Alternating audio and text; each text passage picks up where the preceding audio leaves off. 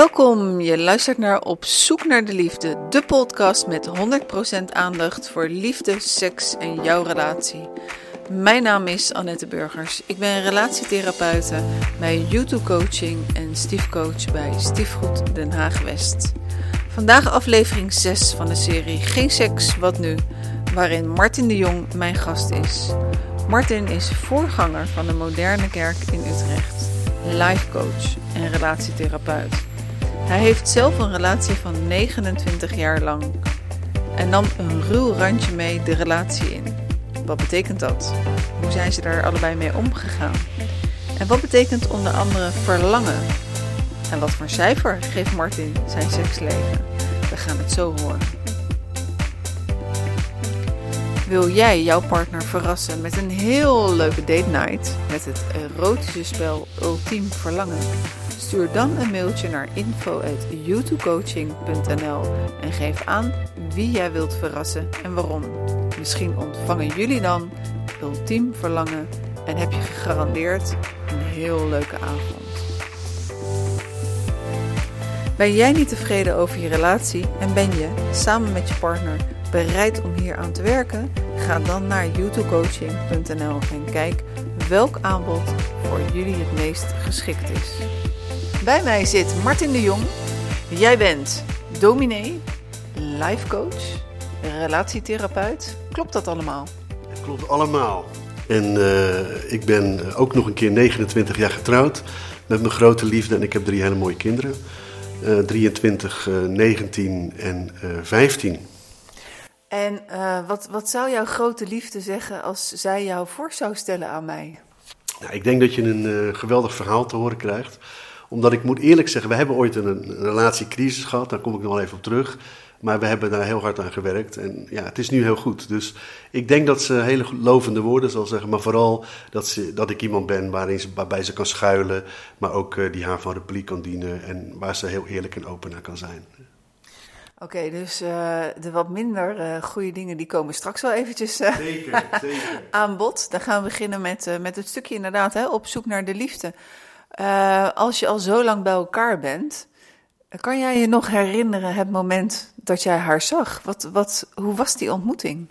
Nou, eigenlijk, ik kwam toen net uit een relatie en ik was niet op zoek naar een nieuwe relatie, eerlijk gezegd. Maar zij was ja, zij zag mij en op een gegeven moment, we hebben toen een keer koffie gedronken, toen zijn we wat vaker. Oh, oh, oh zij zag mij, uh, dat gaat eventjes te ja, snel, nee. daar doe ik het niet voor. Nee, ik snap ik, maar uiteindelijk, uh, ik was nog helemaal uit mijn oude relatie, uit mijn vorige relatie aan het komen. En zij was eigenlijk al, ja, zij was al wat verliefd op mij aan het worden. Het grappige is, dat, dat duurde even en op een gegeven moment vertelde ze mij, ik ga uh, met een zekere Jan Willem fietsen, zei ze zaterdag. En toen kwam ik thuis, toen dacht ik, wow, ik, ik, dat wil ik helemaal niet. Ik heb helemaal geen zin om haar uh, met iemand te delen. Dus ik was nog bezig uit die oude relatie te komen. Maar tegelijkertijd, ja, zij was verliefd op mij. Maar ik, ik, toen ze die opmerking maakte, toen pas voelde ik, heel eerlijk gezegd, ja, ik wil haar niet kwijt. Dus toen heb ik haar gebeld. En toen zei ik van, joh, uh, ik heb ook iets geregeld zaterdag. Dus, uh, en toen zijn we gaan praten. Toen heb ik gezegd van, joh, uh, ik, ja, ik, ik, ik, ben niet heel snel geweest in mijn liefde naar jou. Maar ik merk dat ik, dat ik toch heel veel voor je voel. Geef me twee weken om het te onderzoeken. Nou, dat vond ze goed. En na 24 uur ben ik naar haar toe gegaan. En toen heb ik haar gevraagd, wil jij verkering met mij? Dus uh, ik was er heel snel uit en uh, ja, toen begon de liefde ook te stromen. En dat is eerlijk gezegd uh, niet gestopt met een kleine onderbreking tien jaar geleden. Oké, okay, en dus wel heel erg grappig. Dus zij kwam met, met van nou, ik heb een date. En toen dacht jij van nou, dat wil ik echt helemaal niet. hier, hier komen. Ik werd stinkend jaloers, heel eerlijk gezegd. Dus ik wist eigenlijk niet dat ik, zoveel, dat ik zo verkikkerd was op dat meisje geraakt. Pas toen ze zei van, joh, ja, ik heb iemand anders. Eigenlijk ook gewoon een jongen die geïnteresseerd in haar was en die haar gevraagd had. Ja, toen kwam alle jaloezie naar boven. Toen heb ik gewoon gelogen en gezegd van, joh, ik heb ook iets geregeld zaterdag. Wij moeten even praten. Dus dat hebben we toen ook gedaan. En, uh, en uiteindelijk, ja, toen heb ik haar ook gewoon eh, heel snel verteld dat ik heel erg gek op haar was. En dat ik een hele mooie aanvliegroute wilde hebben om een mooie relatie met haar te bouwen. Heb je Jan Willem hier wel eens voor bedankt? Ik heb hem er nooit voor bedankt, maar wel eens op uitgelachen gezegd. ik dacht, ik ben hem toch te snel af geweest. Maar uh, nee, in, die, in zekere zin is, hij, heeft hij natuurlijk een hele belangrijke rol gespeeld. Hij, is een, ja, hij heeft een boodschap gehad voor mij die ik zelf nog niet, uh, nog niet had. Dus, die, dus hij is een hele waardevolle boodschapper. Dus als hij luistert, Jan Willem, fantastico. Ja, grote buiging voor Jan Willem. hey Martin, uh, ik heb me afgevraagd hè, van... Ik ken niemand die dominee is. En uh, ja, uit, uit wat voor een gezin kom jij? Twee vragen. Ik ben uh, expert in dubbele vragen stellen. Maar uit wat voor gezin kom jij? En, en daarbij daarna van, en op welk moment denk je dan ineens als jongetje of als man, wat ik wil is dominee worden? Nou, ik heb nooit dominee willen worden. Wij noemen dat hier voorganger. Maar uh, ik kom uit een heel gebroken gezin mijn vader die bracht eigenlijk, uh, ja, die, die kwam mijn moeder tegen. En uh, op dat moment had hij al een huwelijk achter de rug. Vijf kinderen die afgenomen waren door de kinderbescherming. En mijn moeder die had een kind uit haar eerste date. Mijn moeder komt uit een heel streng gelovig nest. En ja, daar werd dat niet geaccepteerd. Mijn moeder was 16 en die kwam op een gegeven moment thuis. Die, ja, die was misselijk en er gebeurde iets. En toen heeft de dokter moeten uitleggen met allerlei poppen en instrumenten: van joh, is het zo gegaan? Moeder nooit seksuele voorlichting gehad. Dus toen bleek ze zwanger te zijn. En toen kwamen de ouderlingen langs. Dat waren toen destijds ik noem het altijd de kerkmafia, die kwam langs en die kwamen haar even vertellen dat ze, ja, dat ze een hoer was. Dus uh, mijn moeder heeft heel jong heeft ze ook afscheid genomen zeg maar, van de kerk en van alles wat met geloof en God te maken had. Dus wij mochten thuis ook nooit over God uh, spreken. Hè. Dat was echt verboden. Mijn ouders hadden daar beide ja, gewoon heel, ja, bijna een traumatische ervaring mee, moet ik wel eerlijk zeggen. Dus ik kom uit een gezin waar het zwaar was. Mijn ouders hadden het zwaar samen. We hadden heel veel meegemaakt uh, in hun historie ook. En dat namen ze mee. En ik ben hun eerste kind. Dus ik heb heel veel van die zwaarte ook uh, opgepakt. Vertel verder. Ja, nou heel graag. Ja, ik ben dus in dat gezin, uh, ik was vaak op straat omdat het thuis niet gezellig was. Mijn vader was vaak overspannen. Dus ik raakte ook een beetje een boefje. Ik werd ook een boefje. Dus ik, uh, ik woon... Wat is jouw definitie van een boefje? Nou, gewoon een boefje. Ik was 13. Ik was de jongst veroordeelde jeugddelinquent toen van Nederland. Ik werd veroordeeld voor inbraken en uh, roofovervallen, om het zo maar te zeggen. Ik ben niet trots op. Maar, uh, dus ik was gewoon wel de weg kwijt en uh, ontspoord op die leeftijd. En ja, ook heel erg zoekende eigenlijk naar, naar erkenning. Dus ik deed eigenlijk alles om uh, een soort bewondering te krijgen van mijn omgeving. Dus ik, met, bij mijn vrienden was ik natuurlijk de held, omdat ik, omdat, ik, omdat ik alles durfde. En tegelijkertijd was er een hele grote leegte in mij, die ja, ook gevonden wilde worden. En mijn ouders konden dat niet vullen. Dus ik ben, ja, op, mijn, op jonge leeftijd ging ik stelen. En later kwam ik in Amsterdam terecht. En daar, ja, daar, uh, daar hebben we gewoon onze boevenstreken voortgezet. Dus ik heb eigenlijk in mijn tienertijd best wel veel streken uitgehaald uh, boevenstreken. En uiteindelijk, je vroeg het net al, hoe wordt iemand dan dominee? Nou ja, dat is natuurlijk niet, je denkt niet op een dag van nou laat ik eens dominee worden of laat ik eens voorganger worden een kerk starten. Maar ik heb op die tijd zeg maar een soort spirituele ervaring gehad. Ik was uh, aan het zoeken op een gegeven moment. Ik dacht van, hé, wat, als ik dood ga, wat gebeurt er dan met mijn leven? Dus dan krijg je een beetje het gevoel van, ja, is er leven na de dood? En, en ja, voor mij was dat een aanleiding om, uh, om te zoeken. Dus ik heb nog een tijdje op die, die Bachwand-discotheek uh, op, in Amsterdam, Zorba, daar kwam ik regelmatig. Daar liep dan een Ramses lekker te dansen en ik vond iedereen was daar een soort van vrij. Ik kwam er ook achter dat dat toch niet mijn ding was. En dus toen heb ik eigenlijk ja, toen ben ik verder gaan zoeken. En uiteindelijk in één week tijd, of in acht dagen, kwam ik vier mensen tegen die mij op een niet-religieuze manier over God, over Jezus, over de Bijbel vertelden. En uh, dat vond ik heel uh, bewonderenswaardig of heel apart, omdat daarvoor mensen dat nooit gedaan hadden en daarna is het ook niet meer zo vaak gebeurd. Maar toen in een concentratie in acht dagen gebeurde het vier keer. En toen had ik echt zoiets van, uh, er is iemand die iets van me wil, zeg maar. En toen ben ik gaan onderzoeken en uiteindelijk ben ik bij, ben ik bij Jezus uitgekomen, bij God. En uh, ik hou van God. ik ben lyrisch, zou ik kunnen zeggen, van God. Ik heb minder met het instituut, hoewel ik zelf een kerk ben gestart. Maar ik heb minder met het instituut, zeg maar, waar toch vaak over regels gaat en over wat allemaal niet mag en over waar we van verschillen van elkaar. maar ik, heb, ik, zeg, ja, ik zeg altijd, ik heb een liefdesrelatie met God. ik, heb, ik, ben geen, ik ben niet religieus. Ik heb geen religie, maar een relatie met, met, met de schepper. Oké, okay, uh, hier moet ik eventjes laten, laten bezinken. Je, je, je paraat in een rap tempo.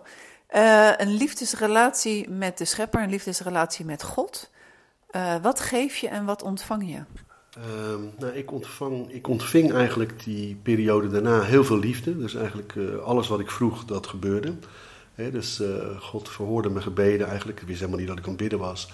Ik was God meer aan het uitdagen van ja, als je bestaat, dan ja, laat het dan maar zien. Want ik, ja, bij ons thuis mocht niet over geloof gesproken worden. Dus ik was best wel heel stellig. En in die eerste periode uh, voelde ik heel veel liefde. En uh, ik ben toen ook de Bijbel een beetje gaan lezen.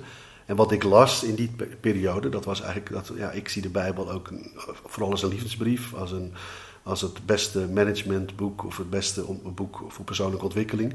Omdat wat ik eruit haalde, dat ging eigenlijk alleen maar over liefde, over thuiskomen. En, ja, en dat is wat ik ook nodig had, dat is wat ik zo gemist had. Dus zoals ik God toen zag, zo zie ik hem nu ook nog dat is dat hij, een, dat hij de ultieme liefdesbron is. Dat hij absoluut het allerbeste met me voor heeft, of met ons voor heeft. Maar dat de kerk, het instituut, dat mensen, hè, dus je zou kunnen zeggen het grondpersoneel, ja, die heeft daar vaak toch goed en slecht aan gekoppeld, in- en uitsluiten. Als je dit niet doet, dan hoor je er niet bij. En als je, er maar, als je maar alles doet wat wij zeggen, dan hoor je er wel bij. dus ik heb ook uh, eigenlijk nog nooit zoveel uitsluiting ben ik tegengekomen dan, heel eerlijk gezegd, dan bij christenen, dan bij kerken. En, maar tegelijkertijd, de boodschap op zich is een hele liefdevolle boodschap, is een goede boodschap. En uh, God is een God vol van genade, dat is zoals ik hem uh, ervaar. En daar ben ik uh, verliefd op geworden en dat is niet meer veranderd. Jeetje, dus heb je eigenlijk een soort van polyamoreuze relatie? Ja, een beetje wel, ja. ja. Hoe oud was jij toen dit gebeurde? nou, een jaar of 19. Beetje 19, daar begon het, 18, 19. En uiteindelijk, uh, zeg maar, ik heb echt een keuze gemaakt toen ik in mijn twint, net in de twintig was, zeg maar. Dus ik heb toen nog een militaire dienst gezeten, waar ik ook nog wel een beetje af en toe een randje zo uh, had. Maar in mijn overweging, wat ik wel mooi vond eigenlijk, is op het moment dat ik die uh, spirituele ervaring had, toen was ook mijn, ja, zeg maar mijn moraal terug. Dus op dat moment, als ik een boevenstreek deed. toen werd je gelijk gestraft? Nee, dan werd ik niet gestraft, maar toen voelde ik van hé, dat is niet goed wat ik doe. Terwijl daarvoor had ik er helemaal geen weet van. Ik wist helemaal niet van, nou, is dit verkeerd? Of, uh, dus daar gebeurde iets ook in een hele diepe, diepe laag in mezelf. Ja, dus ik wist ineens van, ja, dit is gewoon niet goed wat ik nu doe. Wat ik nu aan het beramen ben, dat is niet handig. Dus uh, ja, dat voelde ik ook als iets van, hé, hey, ik ben, mijn ziel of mijn wezen is in verbinding gekomen met, met, met God. En dat wil ik onderzoeken. En dat is eigenlijk waar ik nog steeds mee bezig ben, om dat te onderzoeken. Ja. En, en, en dan, dan ben je dus begin twintig, je komt uit dienst. Uh, en wat heb je dan daarna gedaan om hier uiteindelijk een kerk te hebben? Nou ja, ik ben uh, natuurlijk, ik ben Ankie tegengekomen, mijn vrouw. en ja, wij, wij zijn getrouwd toen ik was 25. toen ben ik gaan zoeken, ook gaan, ja, gaan studeren van ja, wat, uh, wat wil ik eigenlijk? Hè? Wat, hoe, hoe, hoe, kan ik mijn geloof vormgeven? Want ik was niet gewend om de Bijbel te lezen. Ik, ik kende het helemaal niet. Dus ik heb verschillende cursussen gedaan, opleidingen gedaan. En uiteindelijk uh, voelden wij van hé, hey, wij vinden die boodschap fantastisch. En tegelijkertijd, uh, ja, mijn vrouw komt uit een, uit, een, uit een gereformeerd nest. Ik kom uit een gezin waar, ja, waar mijn, mijn, ouders die zeiden dat ze atheïst waren. Dat bleek niet zo te zijn. Maar ze waren gewoon woedend op de kerk eigenlijk. En ja, ik ben gewoon gaan zoeken en uiteindelijk eh, dus in, in een soort ja, verkramp met het instituut ben ik uiteindelijk zelf uh, ben ik in een kerk in Amsterdam terechtgekomen waar ik uh, als ja, jongere voorganger zeg maar, ging dienen. En uiteindelijk ben ik, uh, ja, hebben we besloten om een eigen kerk te starten in goed overleg daar. Dus en dat is dit, deze plek geworden. Hè. Dus we hebben verschillende plekken in Utrecht gezeten. We hebben in het centrum aan de gracht gezeten. En nu zitten we hier in een mooi gebouw wat we drie jaar geleden hebben gekocht. En dus eigenlijk wat wij doen is, ja, de kerk is een plek waar mensen elkaar kunnen ontmoeten. En waar ze God kunnen ontmoeten. maar wij bemoeien ons niet door allerlei regels op te leggen met met mensen. Ik bemoei me niet met het seksleven van mensen of hoe ze naar een seksuele voorkeur. Daar ga ik niet over. En dat is waar wij, ja, we voelen wel ook wel wat in verschillen met, uh, met andere instituten of met andere groepen waar, ja, waar, waar er een sterke mening wordt opgelegd hoe je je moet gedragen. En dat, ik haal dat gewoon niet uit de Bijbel. Ik geloof in je relatie met God groeien. maar, en, maar, in je, uh, maar dat doe je niet. Je groeit niet door dat je allerlei regels gaat volgen die je met je hart eigenlijk niet wil volgen. Dus dit, deze plek, en dus we zullen daar ongetwijfeld fouten in maken, maar dat is voor mij een plek waar mensen zichzelf mogen zijn, waar ze thuis kunnen komen bij, uh, bij, uh, bij God, maar dan niet in een religie, maar dan vooral in een relatie. En zoals ik het graag zeg, in een liefdesrelatie. Nou, heel mooi. Je maakt ook eigenlijk al het, het bruggetje naar, uh, naar, naar, naar de seks toe. Hè? Want we zitten in de serie Geen seks, wat nu? In zo'n uh, heel lange relatie van uh, meer dan 29 jaar. Ehm, heb jij een periode gekend waarbij er geen seks was? Ja, nou, geen is dat. Ik heb geen periode gekend waarin het uh, niet was, maar waarin het wel op een laag pitje stond. Dat kennen, we, dat kennen wij ook. Uh, we hebben, zeg maar, ja, zo ruim tien jaar geleden een relatiecrisis gehad. We kwamen er gewoon achter dat we volstrekt niet meer in verbinding waren met elkaar. Heel hard aan het werk waren en eigenlijk elkaar niet meer konden vinden, elkaar niet meer konden bedienen. Uh, zoals we dat ooit wel deden. Ja, en toen, ja, toen ging de seks natuurlijk ook, uh, werd ook minder. Hè. Dat, is dan, dat gaat dan van iets heel intiems en iets moois en iets waar je tijd voor neemt, wordt dat tot iets van een soort moedje. En dan uiteindelijk is het ook van ja, laat maar. Hè. Dus dat kennen we, dat kennen we ook. Uh, en zeer recentelijk, ik heb vorig jaar corona gehad, ja, toen had ik er ook heel weinig zin in op een gegeven moment, omdat ik gewoon moe was en geen zin had in niks. En dat, dus dat heeft ook wel een week of zes, zeven, acht geduurd, hè, waarin we wel heel veel, heel veel liefde met elkaar hebben gedeeld, maar waarin de seks zeg maar ook op een behoorlijk laag pitje stond. En hoe, hoe, uh, hoe, hoe, praat, hoe, hoe zorg je in feite in, uh, nou, ik denk meer dan 30 jaar, hè, 29 jaar getrouwd, je kende elkaar uh, nog even iets daarvoor. Hoe zorg je ervoor in een relatie van, van 30 jaar dat die seks, wat, wat uh, volgens mij op nummer 1 staat als reden voor scheidingen, als dat niet goed gaat, uh, dat die uh, sekspoot van de relatie, dat, dat, dat dat goed genoeg blijft voor jullie beiden. Ja, ik moet eerlijk zeggen, goed genoeg, dat, zijn niet, dat is niet, zou niet mijn woorden zijn. Want goed genoeg, dat is iets wat, aan een, wat een standaard is die ik in de samenleving, dat is een zesje. Hè, want dan ga je over naar de volgende klas. Ja, dat hoeft niet, hè? Want goed genoeg voor jou kan een acht betekenen. Ja, en goed genoeg voor een ander, dat, dat is de context van goed genoeg. Nou, goed, ja, goed genoeg uh, is voor mij eigenlijk. Uh, uh, seks begint bij mij bij geven en niet bij ontvangen. Ik denk dat als ik mijn vrouw begeer, zeg maar, dan doe ik dat ook voor een heel groot deel voor haar. Omdat in dat begeren krijg ik ook terug. Dus uh, ik geloof, er is natuurlijk ook een lustkant, hè, maar er, tegelijkertijd is er ook een, uh, een, een, kant waarin uh, zeg maar, seks ook gaat over hoe je de ander laat genieten en hoe je de ander zeg maar, ja, in, een, in, een, in, een, in een heel mooi orgasme kan brengen. Zeg maar. Dus voor mij gaat seks vooral ook in eerste instantie over ja, wat kan ik geven, wat kan ik aan de ander, wat, ja, waar kan ik de ander een plezier mee doen. En dan gaat het natuurlijk ook over ontvangen. En ik ken natuurlijk ook wel de momenten dat het over lust gaat en dat het over. Maar voor mij, zeg maar, diepe seksualiteit, dat gaat ook echt over dat je de ander veel belangrijker maakt dan jezelf. En hoe hou je dat dan in 30 jaar vol? Ja, door ups en downs te hebben. Hè. Dus door, door dat ook gewoon heel goed te onderzoeken. Wat ik zelf wel heb ervaren ook, dat is dat uh, mensen willen graag uh, fantastische seks. Vooral mannen hebben daar bepaalde ideeën bij, vrouwen natuurlijk ook. Maar uh, wat ik dan merk is van, als, kijk, als je de winter in je, in je slaapkamer brengt, dus je, mensen zijn vaak vol met zorgen en dragen van alles. En dan brengen ze eigenlijk ook die winter, zeg, zo noem ik het altijd, die brengen ze die zwaarte, die brengen ze dan ook mee in de slaapkamer. Maar dan verwachten ze wel dat het fantastisch is. Dat geloof ik niet. Ik geloof daar waar je zwaarte brengt, ja, daar gaan ook dingen als seksualiteit, die, worden, die komen dan ook onder druk te staan. Dus ik geloof in een relatie is het ook heel belangrijk dat, um, ja, dat, je, hè, dat, dat, dat, dat, dat, um, dat je, het gemoed wat je hebt, dat, hoe je in je vel zit, dat dat voor een heel groot deel ook effect heeft op je seksuele relatie. Dus het is ook heel belangrijk dat, uh, dat je de zwaarte niet altijd meeneemt naar je partner. Daar ben ik groot voorstander van. Dus dat datgene wat je thuis brengt, dat dat ook te hap, behappen is voor je partner. En ik geloof ook wel dat het belangrijk is om zelf ook dingen uit te werken in je leven. Of om niet alles wat je meemaakt zomaar op tafel te gooien. En dan ook nog te verwachten dat je een, dat je een seksleven van een negen hebt. Want dat, dat, ik geloof daar niet in. Dus wat ik gezien heb in mijn eigen leven, dat als het zwaar was en als ik die zwaarte ook meebracht naar huis. En dat het in de slaapkamer dat uiteindelijk ook minder gezellig werd. Of minder, ja, dat het minder vol was. Dan, of minder aan mijn behoeften voldeed dan, uh, dan op het moment dat je, dat, dat, je, dat je licht uitbrengt. Hey Martin, welk cijfer geef jij je seksleven? Ja, ik, op dit moment denk ik wel een 8,5. Een 8,5, oké.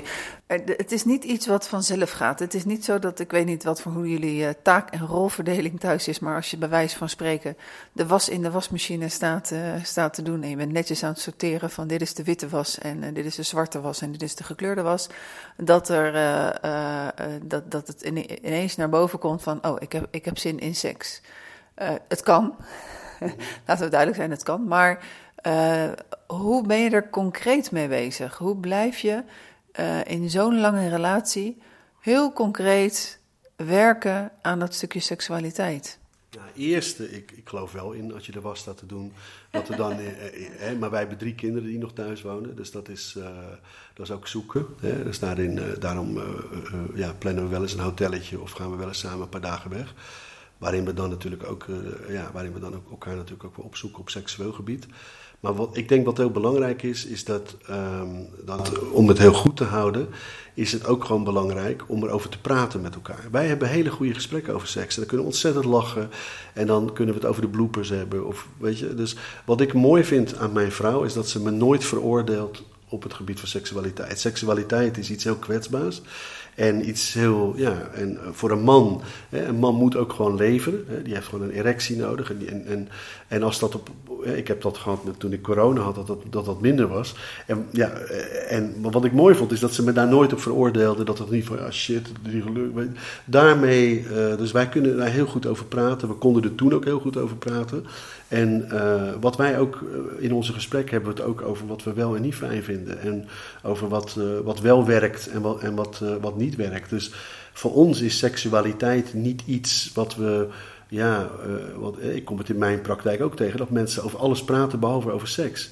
Ik denk dat seks juist iets is waar je over moet praten met elkaar. Dus mijn tip is altijd van joh, wanneer heb je voor het laatste gesprek gehad over seks? Maar ga dat voorlopig eens elke maand doen onder het genot van een wijntje en heb van joh, wat vind jij van ons seksleven en wat, uh, wat, zou je, ja, wat zou je willen dat ik jou nog meer zou in bedienen of wat, wat, wat, wat zou je willen dat ik je geef of, dat, um, of wat zou je willen ontvangen.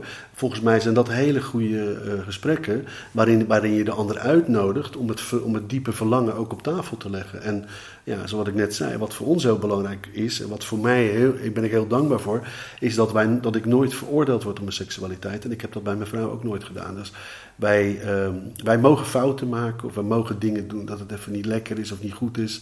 Maar dan hebben we niet gelijk een oordeel over elkaar. Want ik denk, precies wat jij net zegt, daar waar de, waar de seksualiteit in de relatie minder wordt, daar, daar is die zwaarte ook gekomen. En in die zwaarte daar maken mensen soms uitglijders dat ze elkaar erop gaan veroordelen. Ja, en dan, uh, ja, dan nadert het einde. Uh, wanneer hebben jullie voor het laatst uh, een gesprek gehad over de seks? afgelopen weekend. En wil je delen waar het over ging? Ja, dat wil ik wel delen. Wij hadden het over hoe goed het nu weer is ten opzichte van toen we corona hadden, zeg maar. En uh, dat uh, wat we even bespraken was zeg maar, uh, ja, dat orgasmes van, van ons, dat ja, op de een of andere manier zijn die fantastisch. En, maar, en wat doen we dan wel en wat doen we dan niet? Daar konden we nog niet helemaal uitkomen, maar we waren er heel happy mee. Dus uh, het was gewoon even een kort gesprek waarin sommige dingen voorbij kwamen. En ik opperde dit gesprek van: hé, hey, uh, ik vind het de laatste tijd wel heel, uh, heel, heel fijn gaan in de slaapkamer. Hoe vind jij het? En toen kwamen we even op van nou, dat we hele goede, hele ja, voedende orgasmes hebben, waar we soms een paar dagen op kunnen teren. En je zei net al, hè, van, met, met drie grote kinderen thuis, dat, dat, dat, ja, dat, dat vergt wat creativiteit. Ja. Maar uh, betekent dat ook een uh, parkeerplaats en de duinen en, en, en dat soort uh, locaties? Nee, dat niet meer. Nee, dat doet mevrouw geen plezier mee. Dus voor mij zou het wel, wel, wel prima zijn. Ik denk dat ik, ja, weet je, ik, ik, ik zou het overal kunnen doen, dat is geen probleem. Maar ehm, mijn vrouw vindt dat niet zo. die, die vindt die veiligheid van de slaapkamer toch wel fijn. Maar ja, wat, wat ik zeg, we, we, we plannen vaak een hotelletje. Of we gaan sowieso één keer per maand samen even weg. Dan gaan we even lekker eten. En dan daarna hebben we een hotelletje. En dan hebben we het gewoon gezellig met elkaar. Niet dat het altijd van seks hoeft te komen, maar dan hebben we gewoon een hele intieme tijd met elkaar. Ik geloof dat seksualiteit kan voor mij niet losstaan van intimiteit. En ja, dus intimiteit, dat is dat we eigenlijk helemaal in elkaar opgaan. Dat we telefoons uit, dat we, ja, dat we uh, zeg maar gewoon ja, als het ware in elkaar, met elkaar bewegen. Wat heel vaak natuurlijk wel uitmondt in een eh, prima vrijpartij.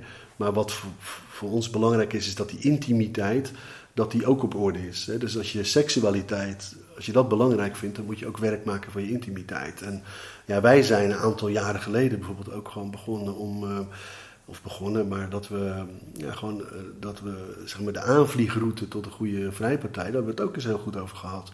Dus die aanvliegroute, wanneer begin je nou, je had het net over de was sorteren en ja, prima als het dan gebeurt.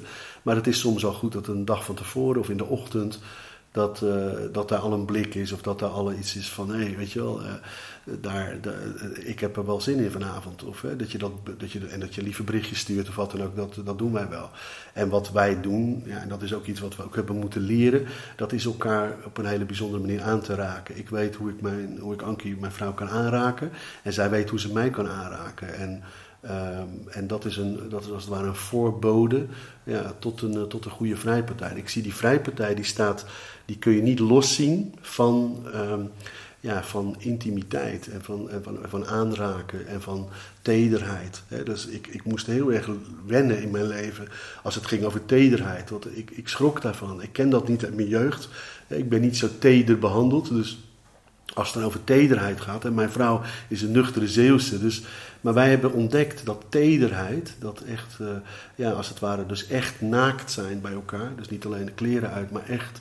En als je elkaar uh, gewoon heel zacht streelt en heel zacht aanraakt, dat dat, uh, dat dat tot grote hoogte kan stijgen. Want dus dat is een hele mooie eigenlijk wat ik zie bij, in, eh, in, de tederheid, in de, in de aanraking, wat er dan gebeurt is dat, dat alles wat als het ware nog meespeelt vanuit de dag of vanuit de zorgen die je hebt of vanuit de kinderen of wat dan ook, dat dat wegvalt en dat de seksualiteit die dan volgt, ja, dat dat echt tot grote hoogte stijgt. Dat dat eigenlijk zonder beperking is en dat ja, voelt voor ons ja, dat is heel fijn. Ja. En uh, nou, we zijn ook de jongste niet meer, hè? dat uh, zei je net ook al.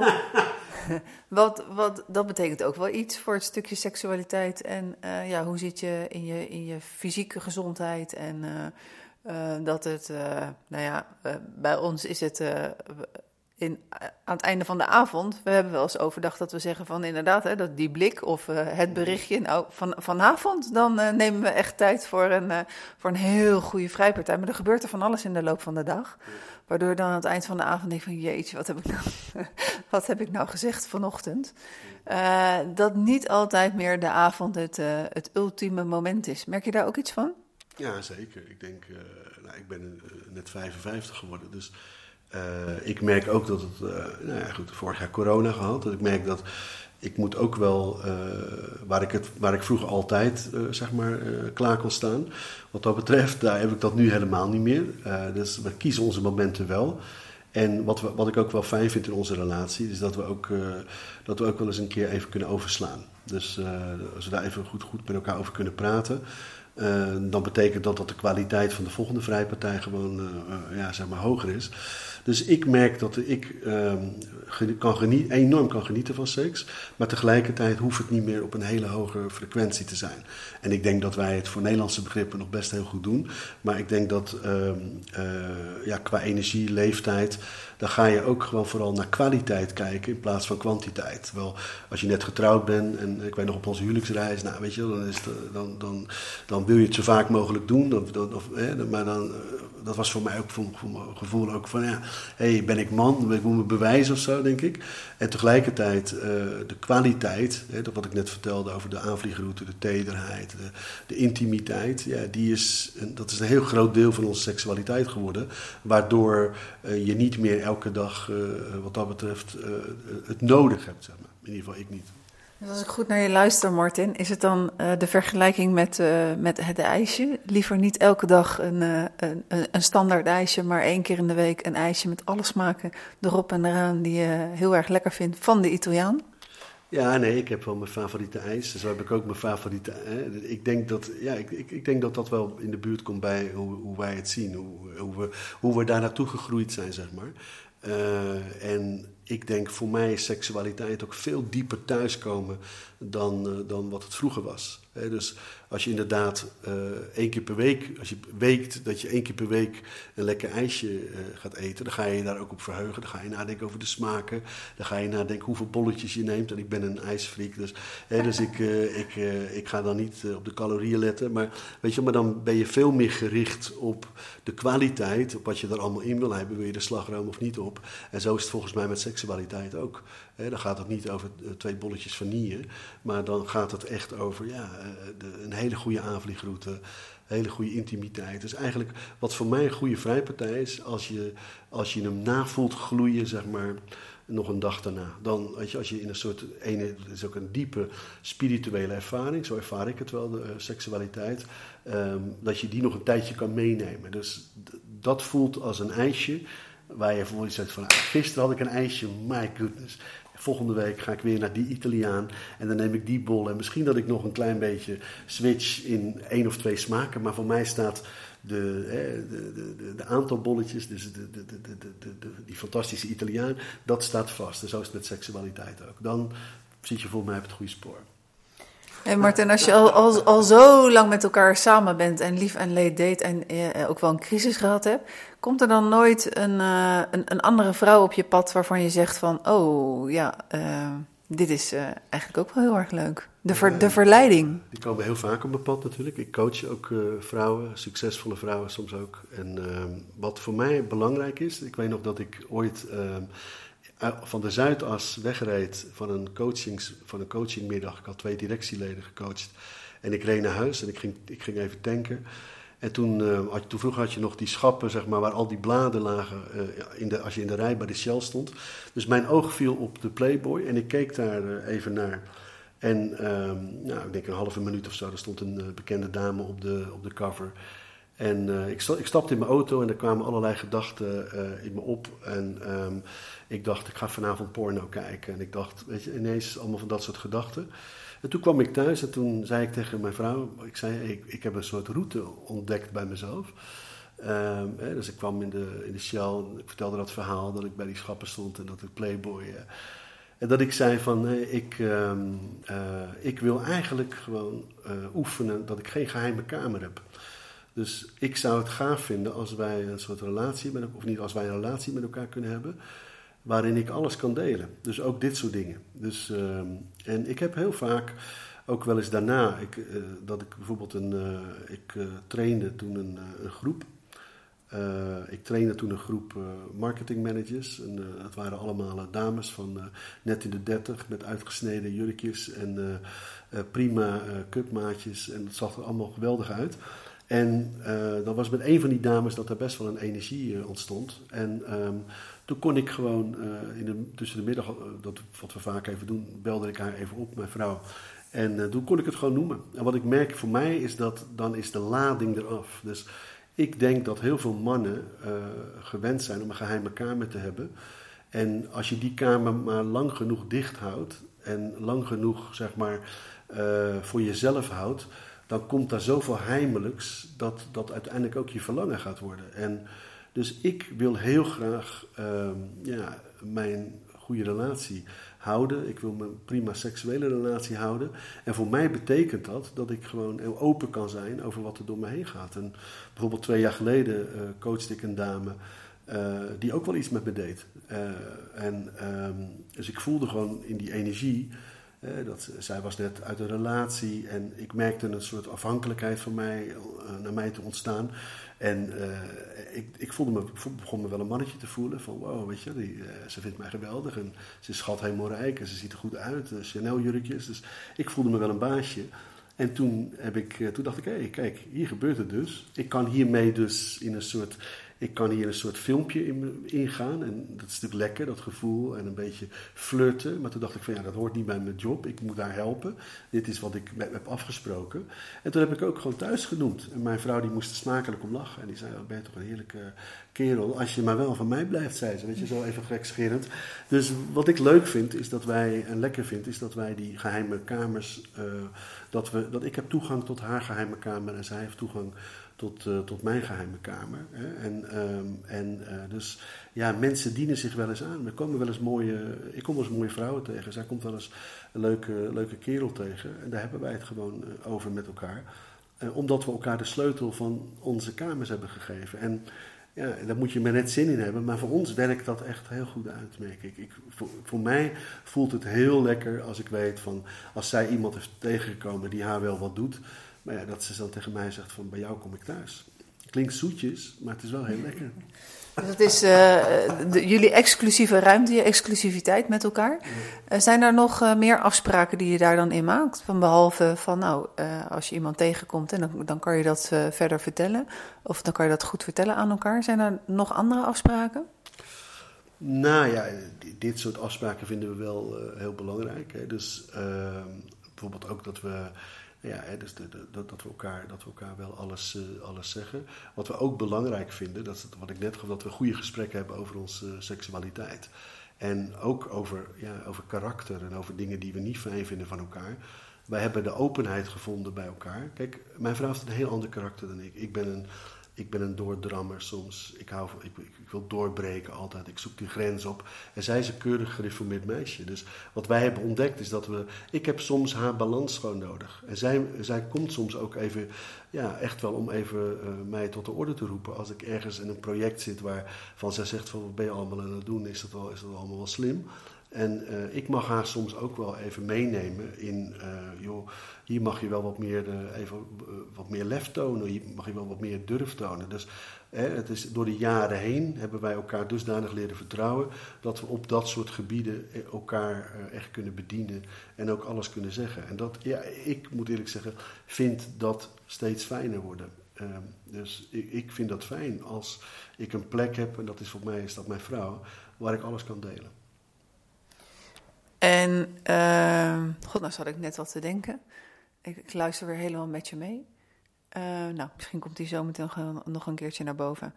Uh, we leven in een tijd waarbij ehm, eigenlijk alles van een man ver, verlangd wordt en verwacht wordt.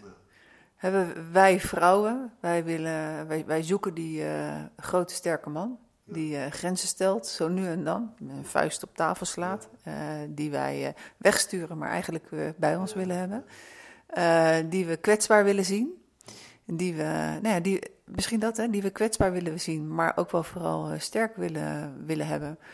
Hoe kijk jij naar de vrouwen toe? Um, nou, heel eerlijk, als ik gewoon heel eerlijk, maar dat mag bij jou, dat weet ik. Um, ik denk voor mij, ik heb, het klinkt misschien gek, ik heb het ooit een dominee in uh, Amerika horen zeggen. Die zei van ja, weet je, hij zei, mijn ideale vrouw, zei die, is voor een vijfde een moedertype. Voor drie vijfde eigenlijk gewoon mijn allerbeste vriend. En voor een vijfde, ja, toch mijn ja, sletterige, hoerige. en heel eerlijk, ik denk dat, dat, dat, het, dat seksuele aantrekkingskracht vind ik ook belangrijk. En tegelijkertijd vind ik het ook heerlijk dat zij moeilijke uh, aspecten heeft. En uh, ik vind het ook fijn als ze soms voor me zorgt. En, en tegelijkertijd, wat ik net ook wil proberen uit te... We, hebben, we kunnen ontzettend goed met elkaar omgaan. Maar in de slaapkamer is zij niet mijn moeder. Hè? Dan is ze juist, ja, dan is ze zo aantrekkelijk mogelijk. Dus ik, voor mij is dat de ideale vrouw. He, dus de vrouw met wie ik heel erg één kan zijn in vriendschap.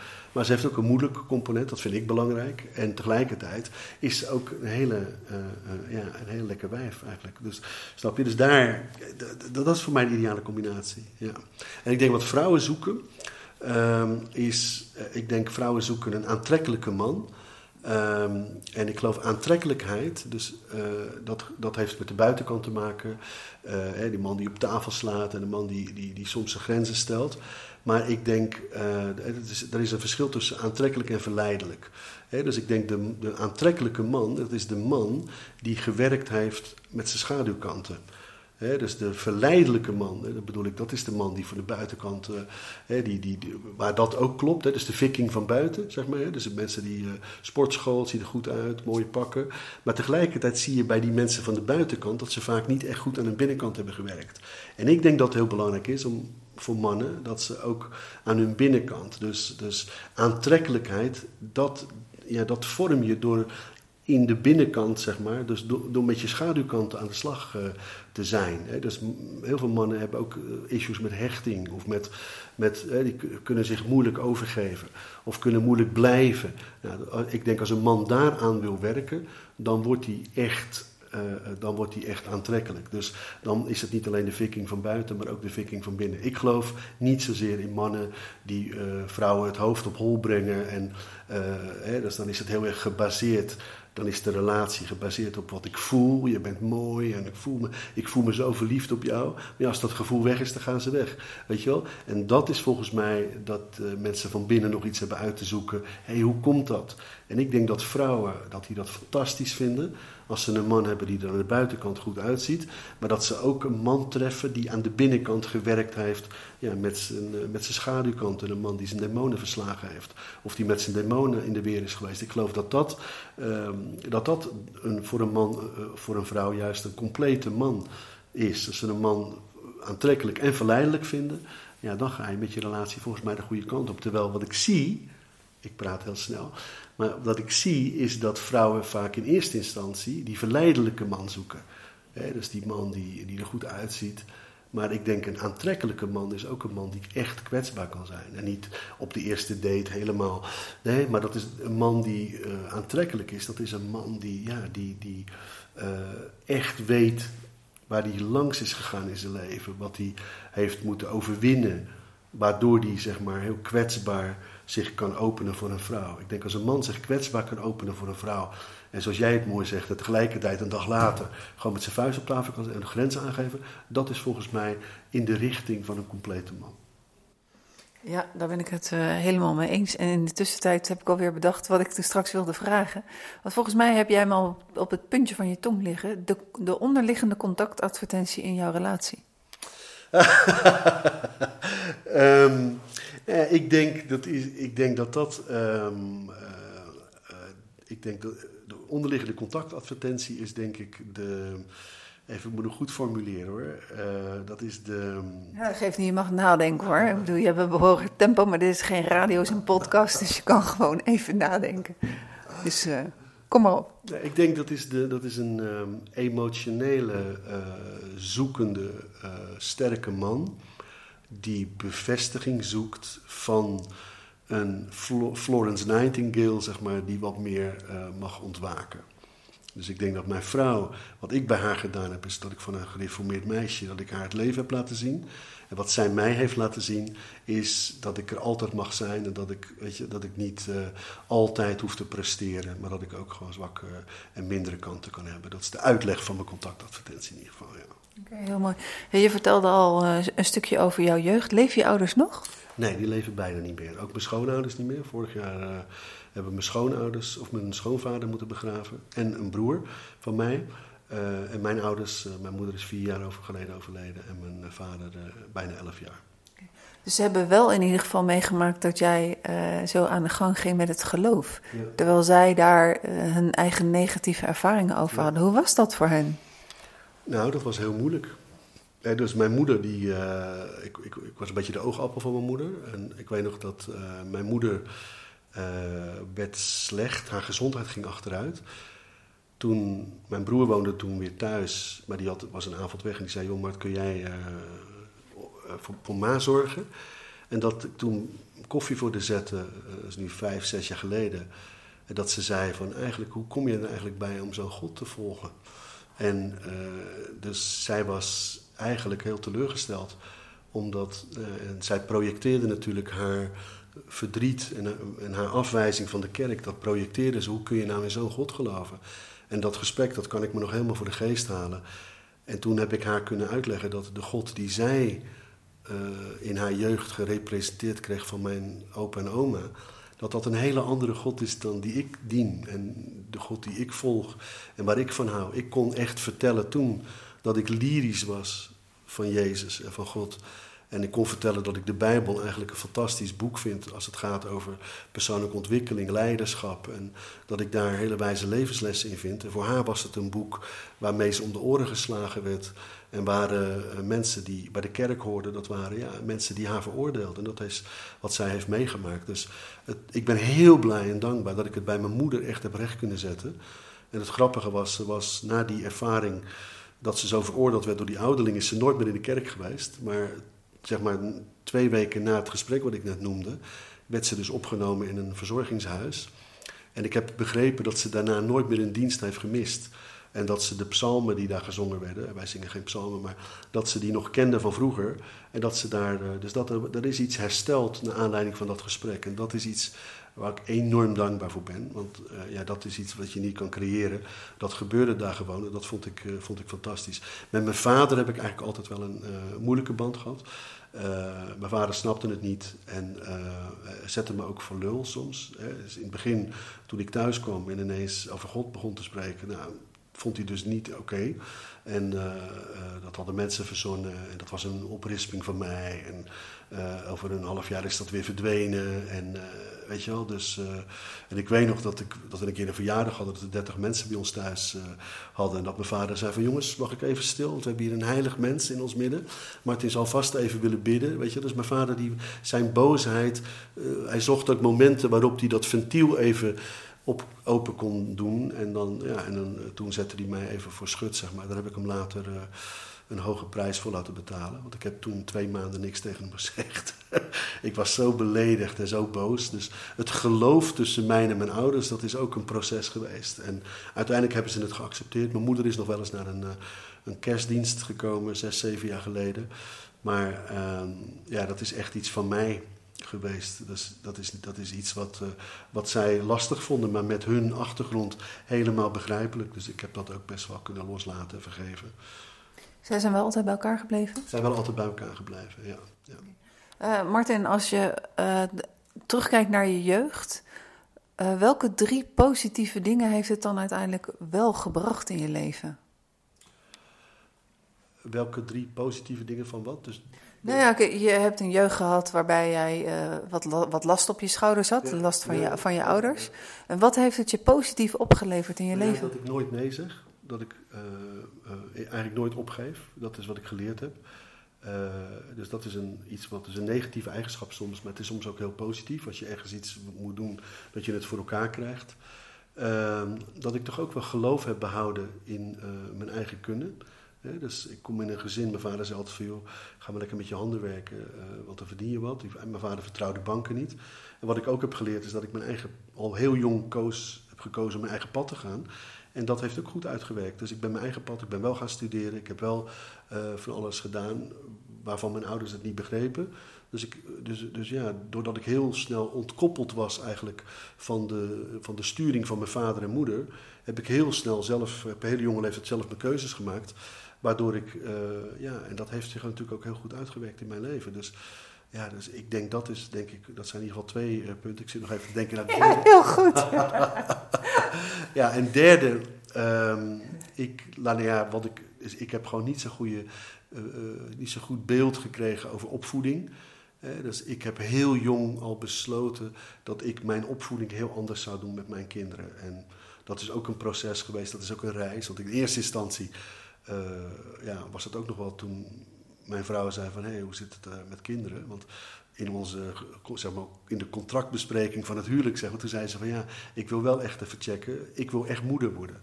Toen zei ik, oh, prima. En ik had heel diep van binnen toen nog het idee... nou, dat praat ik wel uit haar hoofd, dat komt wel goed. en toen was het op een gegeven moment echt momenten... ze zei van, ja, no way, ik, ik, wil kinderen, dat weet je. Maar we zijn nu een paar jaar verder. Hoe gaan we dat doen? En uh, nou ja, toen heb ik me er ook aan overgegeven... En toen kwam dat verlangen dat als we kinderen krijgen, ja, dat, dat ik het veel beter ga doen, of in ieder geval anders ga doen dan mijn eigen ouders. Ook al ben ik ook dankbaar inmiddels voor wat ik zelf heb meegemaakt, voor het nest waar ik ben geboren. Ik, ik veracht dat niet. Ik ben, ik ben ook dankbaar. Tegelijkertijd heb ik ook gewoon mijn lessen meegenomen in mijn eigen leven als vader en als opvoeder en vooral als beste vriend van mijn kinderen. Want wat betekent dat voor een man die vader wordt als die niet het goede voorbeeld heeft gezien van zijn vader? Ja, dat is doodeng. ik vond doodeng, eerlijk gezegd, om vader te worden. Uh, voor mij was het wel zo. Toen Ankie op een gegeven moment thuis kwam met een cadeautje en ik pakte het uit. Toen zat er een rompetje in van I love papa of zoiets. Ja, toen had ik een halve seconde van ik, wil weg. My goodness. En uh, tegelijkertijd is, had ik toen natuurlijk nog bijna negen maanden, of in ieder geval acht maanden, om een soort kamer in mijn hart klaar te maken. dat voelde ik zo. Ik moet echt ruimte maken. Dat was toen, uh, ik wist ook vanaf het eerste moment dat we een zoon zouden krijgen. Ik wist het gewoon. We hadden ook helemaal geen meisjesnaam. Mijn vrouw zei, moeten we geen meisjes? Toen was het nog niet zo dat je zomaar echo's, dat was toen als er wat problemen of complicaties waren. Ik wist gewoon, we krijgen een zoon en we noemen hem Nino. Uh, en, uh, en voor mij was het zo dat ik een kamer in mijn hart ging maken uh, om uh, ruimte voor dat ventje te krijgen, zeg maar. En ik werd ja, maanden voor de geboorte al helemaal verliefd. En ik dacht, weet je, en uiteindelijk is dat ook gebeurd. Het is mijn beste vriendje geworden. En als s'nachts, als die huilde, dan rennen vrouwen vaak het bed uit. Maar ik lag soms al te wachten totdat hij ging huilen, want dan kon ik hem een flesje geven. En dan kon ik heerlijk met hem zijn. Dus, en dat is ook wel een ding geworden. Van, ja, hij, hij, is ook een deel van mijn genezingsproces geweest. En dat is natuurlijk in de psychologie niet helemaal altijd even goed. Maar ja, hij is wel gewoon een, een, een, hij is een mannetje waarin ik enorm ja, genoten toen hij klein was. Ik nam overal mee naartoe, op mijn schoot, achter het stuur. En we hebben hele, dus ik ben vader geworden met vallen en opstaan. En ik heb, ben er heel veel over gaan lezen. Ik heb een paar rolmodellen ook genomen van mensen waarvan ik dacht van wauw, zij doen dat mooi. Dus daar heb ik dingen van geleerd. En uh, uiteindelijk zul je natuurlijk aan mijn eigen kinderen moeten vragen. Maar ik denk dat ik best wel uh, de toets doorsta. Dat ik, een, uh, dat ik best wel een goede vader ben. En waarbij ik moet zeggen, mijn oudste, dus mijn eerste kind, daar heb ik natuurlijk ook de meeste fouten gemaakt. dus daar hebben we momenten gehad dat we veel te hard aan het werk waren. En dat hij toch ook wel voelde van, hé, hey, uh, zijn papa en mama nog eens een keer thuis.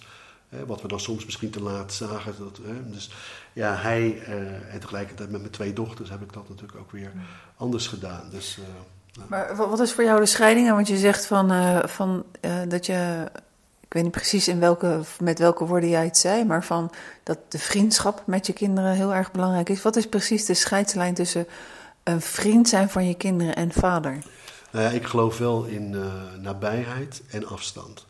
dus ik geloof nabijheid is gewoon dat ik er heel erg voor ze ben. En dat ze een plek hebben waar ze fouten mag ma mogen maken. bijvoorbeeld, ik ben. Uh, uh, ik heb enorm opgelet als mijn kinderen bijvoorbeeld met hun rapport thuis kwamen. Mijn, de perfectionist in mij, de, de, de, die, die zou bijvoorbeeld de vijf als eerste noemen. Maar ik heb geleerd dat ik zeg van wauw, mooi, oh, ik zie dat je nog een vijfje hebt, maar wat heb je een mooi rapport. dus dat is wat ik heb geleerd. Dus dat, wat ik of net in een andere volgorde, van wat heb je een mooi rapport, oh, daar staat nog een vijfje. Ja, ja, maar wat, ik, wat ik vaak van hoor van mensen ook die ik in mijn eigen praktijk heb, dat ze een vader hadden die zegt van hé, hey, wat is dat nou, een vijf? Terwijl er staat ook een acht en een zeven en een negen. Maar die zien ze niet. Dus wat ik wil zien is wat ze goed doen. En ik help ze met datgene waar ze zeg maar, moeite mee hebben of tegenaan lopen. dus ik wil een plek creëren waar ze heel toegankelijk zijn. Waar, waar ze voelen dat ik een toegankelijke vader ben. Waar ze alles mee kunnen bespreken. En tegelijkertijd, als het gaat om sturing, uh, dan heb ik die afstand ook gewoon nodig. Dat is eigenlijk ook een leiderschapsprincipe. Dus nabijheid en distantie. En dat hanteer ik thuis ook. dus uh, soms neem je even wat afstand omdat, omdat je dingen wil bespreken waarin ze echt richting nodig hebben. Of waarin je ze iets wil meegeven wat ze op dat moment zelf nog niet zien. Maar voor mij is dat ook de plek waar ze in mogen groeien en waar ze fouten mogen maken. Dus, uh, en ik zie dat het goed uitpakte nu. Bij mijn dochters meer dan bij mijn zoon. Want die heeft ook mijn ruwe versie nog meegemaakt natuurlijk. Ja. Kijk, ik vroeg jou net van uh, welke drie positieve dingen hebben, heeft je jeugd opgeleverd. Welke drie dingen um, zijn, heb je niet geleerd in je jeugd door alle omstandigheden en vind je soms nog best ook nog wel in het heden lastig? Nou, ik denk dat ik, uh, uh, ik heb gewoon geen veiligheid gekregen. Dus ik was veel op straat. Dus in het begin van ons huwelijk kon ik ook heel moeilijk rusten. Een avondje voor de buis, dat had je natuurlijk nog geen Netflix, maar... Dat, nog lang niet, Martin. Nee, maar, hè, dus, dat, dus, dus maar even een, dat kon ik niet. Ik, was altijd, ik stond altijd aan en dat is wat ik thuis heb geleerd. Het was altijd ja, op een mate onveilig. Dus daarom ja, stond ik aan, we gingen de straat op, of ik was op zoek naar prikkels, of ik was op zoek naar de grens. Dat heb ik thuis, uh, dat, heb ik, dat is een eigenschap die ik van thuis uit heb meegekregen, die ik wel heb moeten afleren dus daar heb ik moeten leren om, uh, ja, om wel fijn te hebben thuis. Om thuis wel gewoon te kunnen ontspannen en uh, een plek te hebben waar ik ook gewoon eens even kan niksen. Ik heb ook mijn vrouw die zegt als Martin, het is een niksbox. En, dus dan heb ik gewoon even, ja dat heb ik ook en dat heb ik wel moeten leren. En dat is, mijn vrouw vindt dat prima. En als het haar te gortig wordt, dan uh, trekt ze wel aan de bel. Dat was één? Dat was één. nou ja, ik denk, um, wat ik een ander punt is denk ik dat, uh, uh, dat ik heb moeten leren zorgen voor mensen. Dus als je een jongen van de straat bent, dan weet je heel goed voor jezelf te zorgen. Eigenlijk is het een recept voor egoïsme. dus dus je, het gaat over jou, over ik, als het voor mij maar goed is. Dus je leert voor jezelf te zorgen. En daarmee, daar, om dat te regelen, ga je over grenzen heen. En zo stapte ik natuurlijk ook, ja, zo werd ik ook een gelovige, maar uiteindelijk stap je met dat randje, met dat pakketje ook nog wel je relatie in. Uh, en ik heb moeten leren eigenlijk dat het om de ander gaat. Uh, dat het niet om mij gaat in eerste instantie, maar dus dat is een, een, wisselwerking geweest. En dan is het heel fijn als je trouwt met een gereformeerd meisje die me die ruimte gaf, maar ook gewoon haar even de time-out kon hanteren. Dat hij zei van, joh, ik vind dat je veel te veel voor jezelf bezig bent. Uh, ik, ik ben er ook nog. Dus dat hebben wij heel goed kunnen bespreken. Dus, uh, maar ik nam dat randje, dat ruwe randje, dat nam ik wel mee uh, in mijn relatie nog. En ja, gelukkig hebben we daar, ja, gewoon, heb ik daar een plek gevonden waar ik tijd en ruimte kreeg om dat te transformeren. En dat was niet makkelijk, moet ik eerlijk zeggen. -hmm. Heb je nog een derde? Of? Nou, vast wel, maar ik kom er nu niet op. Maar... Je vertelde toen straks iets over uh, de crisis van tien jaar geleden. Wat was de aanleiding? Nou ja, dat we eigenlijk heel erg erachter kwamen dat, uh, ja, dat we hard aan het werk waren in de kerk. Uh, werk. Wij hebben, mijn middelste kind, mijn dochter, die is in haar jeugd uh, toen ze twee was, heel ziek geweest. Hè, dus, dat is, uh, dus dat hadden we overleefd. Nou, we hadden het nodige. Dus we waren heel. We, hebben een tijd heel erg in de surviving mode gezeten. Dat we aan het overleven waren eigenlijk. En wat we dan niet deden, was elkaar bedienen in, ja, in, in datgene wat, wat we echt nodig hadden, zeg maar. En ik weet nog dat, dat ik een keer in Hilversum aan het coachen was.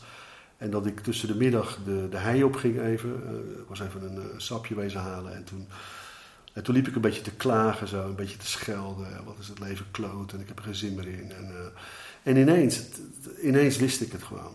Dit is het wat ik mis. Dus ik weet nog dat ik toen naar huis ben gegaan. Ik zei, joh, ik ga even wat lekkers halen voor vanavond. We gaan de kinderen vroeg naar bed doen. Ik wil met je praten. En ik ga je wat vertellen, zei ik. Um, maar als je gaat lachen, dan ga ik weg en dan slaap ik een week in een hotel. Dus uh, ik was heel bang om het te vertellen. Dus toen uh, ik, ik lekkers gehaald. Dus mijn vrouw ging zitten zo met een blik van, nou, weet je, want wij waren echt uit verbinding met elkaar. Dus ik zag ook de pijn in haar ogen. Wat, wat komt er nu weer voor een sneer? Of dat, dat zag ik in haar ogen. Toen zei ik, ik moet je iets vertellen.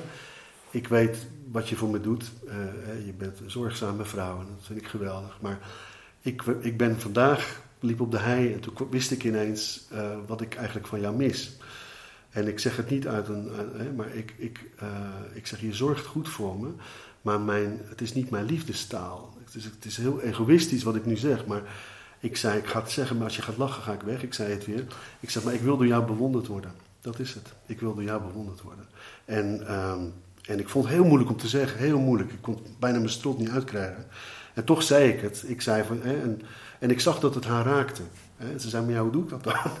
en zij, zij kon het gewoon, ze zei van, ja, maar ik, ik, ik zorg toch voor je en ik, ik geef alles wat ik heb. Ik zei, ja, maar dat doe ik ook, maar ik raak ook jou niet in je diepste snaar. Wat, wat, wat is dat? En toen zei ze van, uh, ja, toen zei ze van, uh, jij zorgt ook heel goed voor mij, maar ik, uh, ze zei, wat ik mis is dat je me aanraakt en in mijn ogen kijkt. En dat, ik, dat je zegt dat ik echt waardevol voor je ben.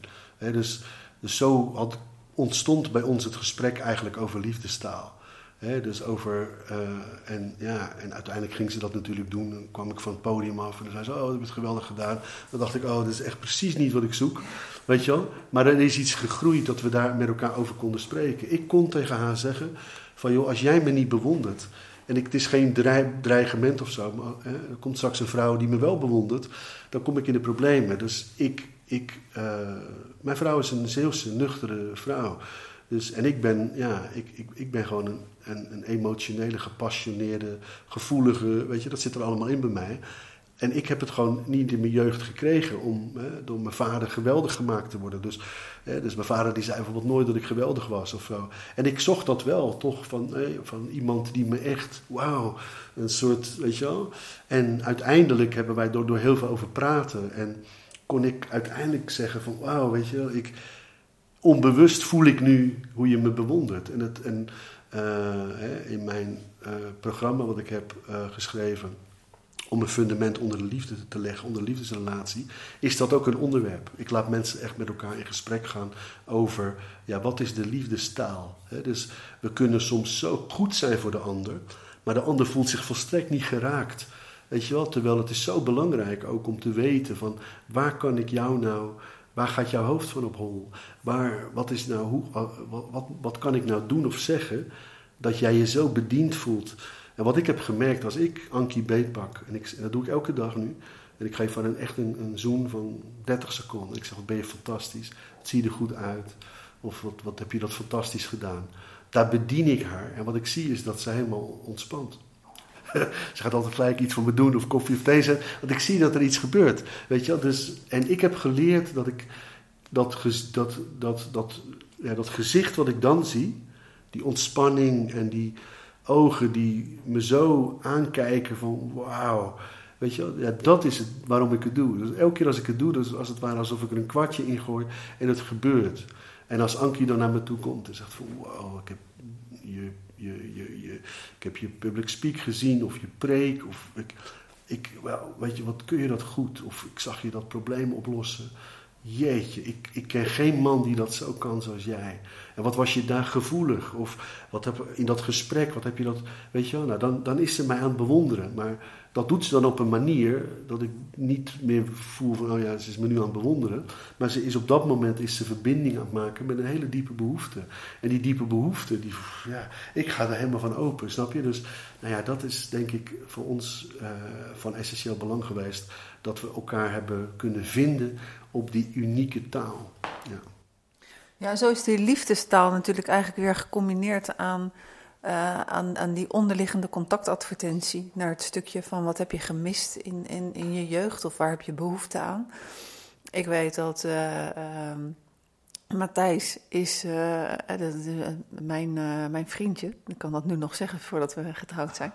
Maar hij is de middelste van vijf kinderen. En na hem kwam een tweeling. Dus dat betekent heel veel voor, voor, voor hem. en ik trek zomaar de conclusie dat hij uh, vroeger in ieder geval niet heel veel aandacht heeft gekregen. En dat hij ook het strafboefje werkte, met dan als, als politieagent, als, als, als, vader. Maar dan werden we toch wel weer wat, wat, wat kleine boevenstreken die werden gedekt. Maar het betekent wel dat hij heel veel aandacht nodig heeft. En dat dat in ieder geval een onderdeel is van, nou, dat weet je van elkaar. of tenminste, dat weet ik van hem. Dus nou, oké, dat, dat heeft zijn plek. En ik, ik geef hem die aandacht waar dat, dat stukje weer gevoed wordt. Terwijl als ik dat niet had geweten, of er niet zo mee bezig was geweest, had ik wel eens kunnen denken van, pff, jezus, wat heeft hij nou weer voor een aandacht nodig? Maar als je weet waar het vandaan komt, en uh, hij weet dat ook, dus uh, dan, dan, kan je het daarover hebben en dan, dan uh, krijgt dat een plekje. Uh, Martin, nog eventjes terugkomend op, op het stukje van verlangen, hè, verlangen en aantrekkingskracht. Um, en, en het opstapje naar, naar seks. We, zijn, we hebben hele mooie zijpaden gemaakt tijdens dit gesprek. Helemaal, helemaal hartstikke goed. maar als we even teruggaan naar dat stukje seks en, en verlangen. Op welke momenten, als je er zo over nadenkt, als ik jou die vraag stel, komt jouw verlangen het, het meest omhoog naar Anki?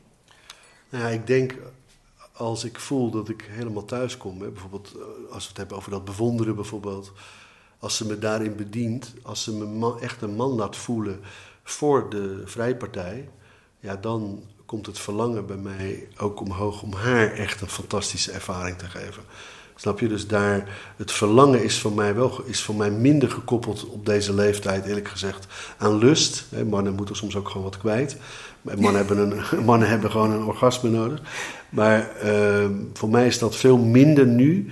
Dat, het is niet gekoppeld aan lust eigenlijk, maar meer aan het vooral thuiskomen. Dat is, thuiskomen is belangrijker dan klaarkomen, om het zo maar even plat te zeggen.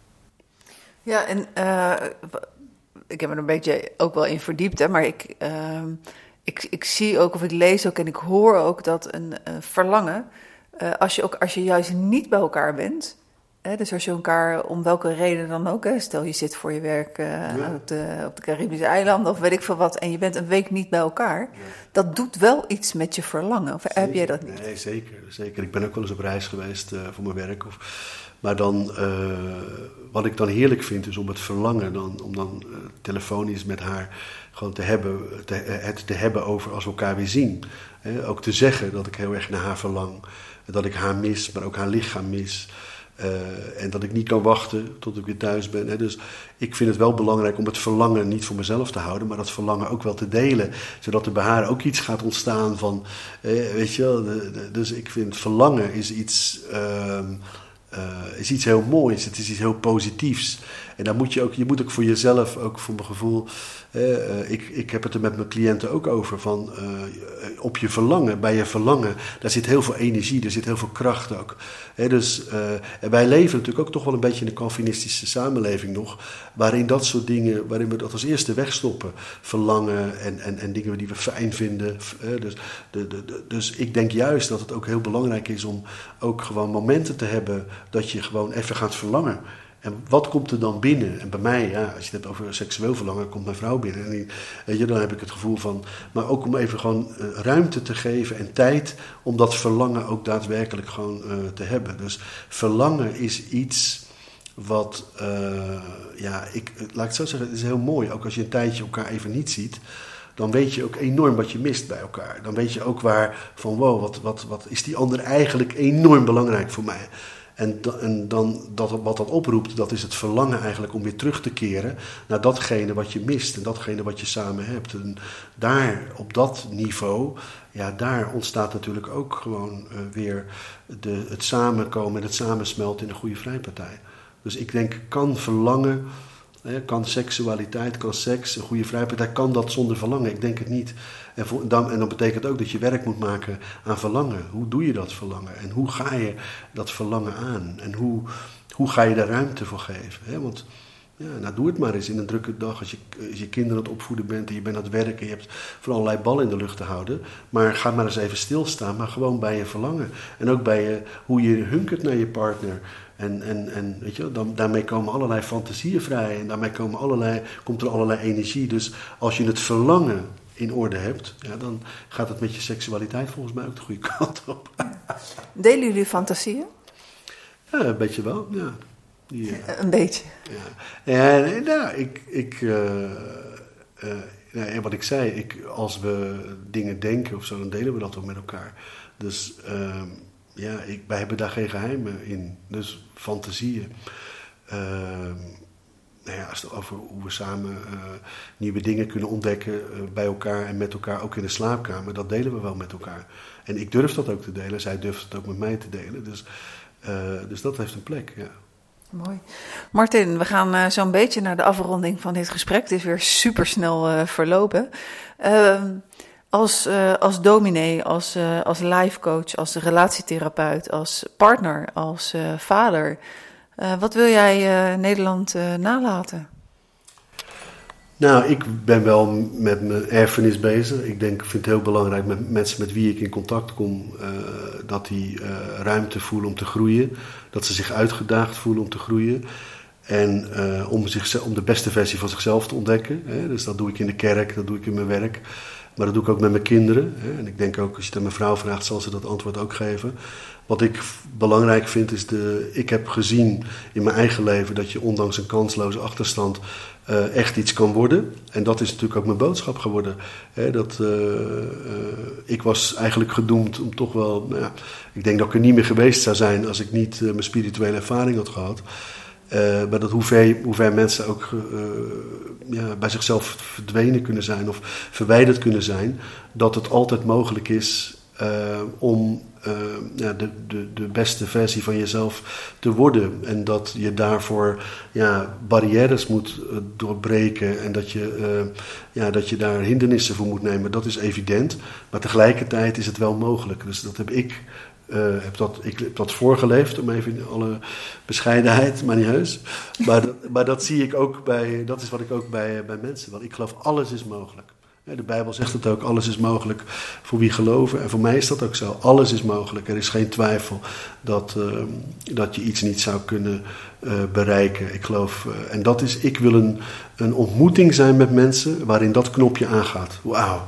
Hey, dat had ik nooit bedacht, of dat had ik nooit gezien van mezelf. Of dat, wauw, dat jij dat knopje indrukt, daar ben ik dankbaar voor. En dat is wat ik wil achterlaten. Hartstikke mooi. Welke vraag heb ik je, als laatste, welke vraag heb ik je niet gesteld en wil je toch nog antwoord op geven? um, nou ja, we hadden het even over de Bijbel natuurlijk. En ik weet ook wel een beetje hoe de Bijbel bekend staat in, uh, in, in de samenleving. Hè. Dat is als stoffig, als niet meer van deze tijd. Ik vind de Bijbel een heel erotisch boek. Echt waar. Als je het, boek, als je het Hooglied leest, dat is het, zeg maar, het boek midden in de Bijbel. Ja, dat druipt er vanaf. Als je echt wil leren hoe je urenlang seks kan hebben, dan moet je het boek Hooglied uh, lezen. En dat is wat heel veel mensen niet, uh, niet, uh, niet weten.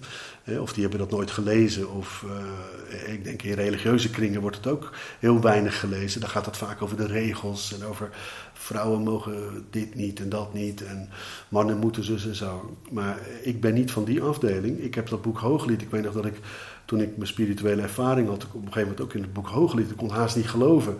Gewoon de erotiek die druipt eraf. Het zijn twee mensen die uren, dagen in elkaar opgaan.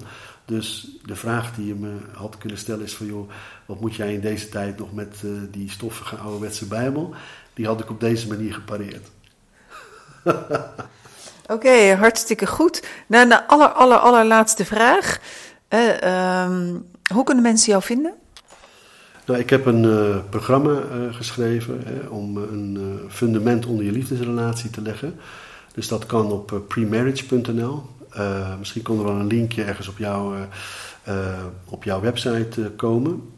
en ik heb een website buildingchampions.nl. Waar, dat, is een, dat is mijn website, die gaat over mijn coaching en, en training. Dus op die manier kunnen mensen mij benaderen. Uh, uh, en ja, op de website staat het nodige over mijn werkwijze. En als mensen daar niet uitkomen, ben ik altijd bereid om uh, even telefonisch te onderzoeken wat ik voor ze kan betekenen. Dus Building a Champion. Building Champions. En als we de aller, aller, allerlaatste vraag, als we naar de, naar de toekomst kijken, wat, wat, wat heb je nog te doen? Hè? Los van um, wat, wat wil je achterlaten, maar wat wil jij nog de volgende vijf jaar gaan doen? Waar sta je over vijf jaar? Nou, ik wil uh, mensen op het gebied van liefde en relatie uh, helpen om door barrières heen te komen. Daarvoor heb ik het programma geschreven. Mensen die het programma uh, aanschaffen hebben ook toegang tot vier masterclasses. Waar het gaat online over alle gebieden. Dus liefde, seksualiteit, hechting en noem het allemaal op. dus dat wil ik nog doen. Ik wil op het gebied van liefde wil ik echt nog een stempel drukken. Uh, ik wil een aantal leiders voortbrengen nog in de kerk, maar ook uh, in de samenleving. Ik heb in het verleden heel veel uh, projecten opgezet als Adopt the Granny Voedselbank en nou ja, gaarkeukens, noem het allemaal op. en daar wil ik nog een aantal mensen voor nou ja, vrijzetten waar ik mee bezig ben, die in de samenleving grote veranderingen gaan ja, bewerkstelligen. nou, wauw, dankjewel. Dankjewel voor dit gesprek, Martin. Heel graag gedaan, eh, Annette. En heel veel succes met je prachtige podcast. Ik eh, mis bijna geen aflevering, omdat ik vind dat je hele boeiende uh, gasten hebt. En ik vind het een eer dat ik een van jouw gasten mag zijn. Nou, dank voor jouw echt waanzinnig boeiende verhaal. Voor de luisteraar en voor de kijker, dank voor het kijken en dank voor het luisteren. Over twee weken is er weer een nieuwe aflevering van de serie Geen Seks. Wat nu? Over twee weken, op 5 december, is Rick van Lunsen mijn gast. Hij is arts, seksuoloog en ongelooflijk inspirerend. Door al zijn kennis is dat ook weer een masterclass. Geen seks wat nu geworden. Ik hoop je over twee weken weer te horen. Ik wens je voor nu een zeer liefdevolle dag. Heb je een vraag? Stel hem info at Ik hoop tot over twee weken.